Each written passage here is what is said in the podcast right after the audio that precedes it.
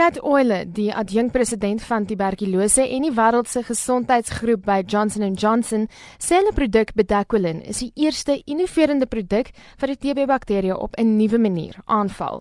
To date we've uh, has been able to ship more than 180,000 courses of our medicine to almost 140 countries. In September of 2018, we announced a 10-year initiative focusing on continuing our efforts in tuberculosis uh, around expanding access to treatment, including our medicine, finding the missing patients, and then continuing to advance our efforts in research and development to develop more new medicine. Wanneer die prys van so 'n middel bepaal word, word drie elemente oorweeg. The first is the value to patients, the second is access and affordability, and the third is an incentive for innovation. However, we do recognize that there is a uniquely high burden of MDR-TB in low resource settings. And because of that, we have offered Bedaquiline to nearly 140 countries at a not-for-profit price of only $400. Aktiviste tydens die Wêreldunie se 50ste konferensie vir longgesondheid gesê die maatskappy se skenkings is nie genoeg nie. One of the other things that has been mentioned by the activists is that only 37,000 courses of therapy have reached patients. But as I mentioned earlier, we know that we have shipped more than 180,000 courses of the medicine, including nearly 100,000 courses this year alone.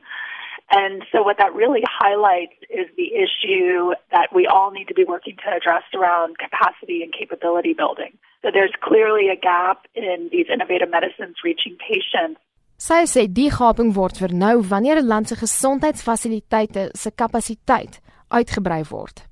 We need to make sure that healthcare providers are trained in identifying the signs and symptoms of tuberculosis, that they have access to the right diagnostic tests, that they know how to build an appropriate regimen. You need to be able to get patients back for follow-up appointments and for testing we think is most critically important if we're going to close the gap between the fact that we've shipped over 180,000 courses of therapy, but yet we're hearing that only 37,000 courses of therapy have reached patients.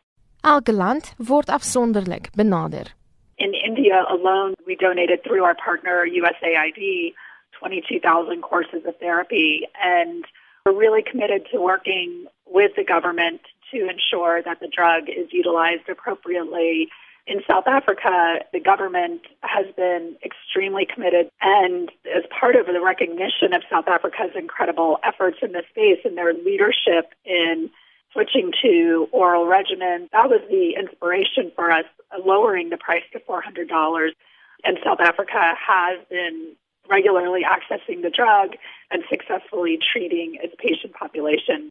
Die maatskappy het nog nie uitgereik na generiese maatskappye nie. Our drug is priced on par with or cheaper than many generics in the field already. We are not seeing supply as a barrier. We are not seeing price as a barrier. What we are seeing is that based on the activist claims, there's still a gap in getting the drug to patients. Bavesh Shah is die direkteur van internasionale bemarking by die generiese maatskappy Hetero Drugs in Indië. Die maatskappy vervaardig sowat 40% van alle generiese antiretrovirale middels wêreldwyd. It was more of an holistic approach for an organization to see that how do we have the wide uh, patients coverage. 15 years, 20 years back it was like a death warrant But today, with efforts of various companies, including ours, you know, all the patients have been able to have some sort of an hope. Ek vra my uit oor die jongste verwikkelinge in TB. The new drugs which are coming in, we believe that it's going to follow the similar mechanism. It's too early with those new drugs. There are very few new drugs that has come in in the TB space in last 10 years, if you see. Other drugs combinations have started coming in through the TB Alliance and through other uh, organizations. And we sure that uh, they do know that the only path that can give us success uh, in terms of the treatment in low and middle income countries would be the pricing factor. Uit sy ervaring het elke land unieke verhoudings met die betrokke oorspronklike farmaseutiese maatskappye. In India, we have a lot of flexible standards in terms of manufacturing, which may not be as appropriate as how the other regulated countries, including South Africa, is following.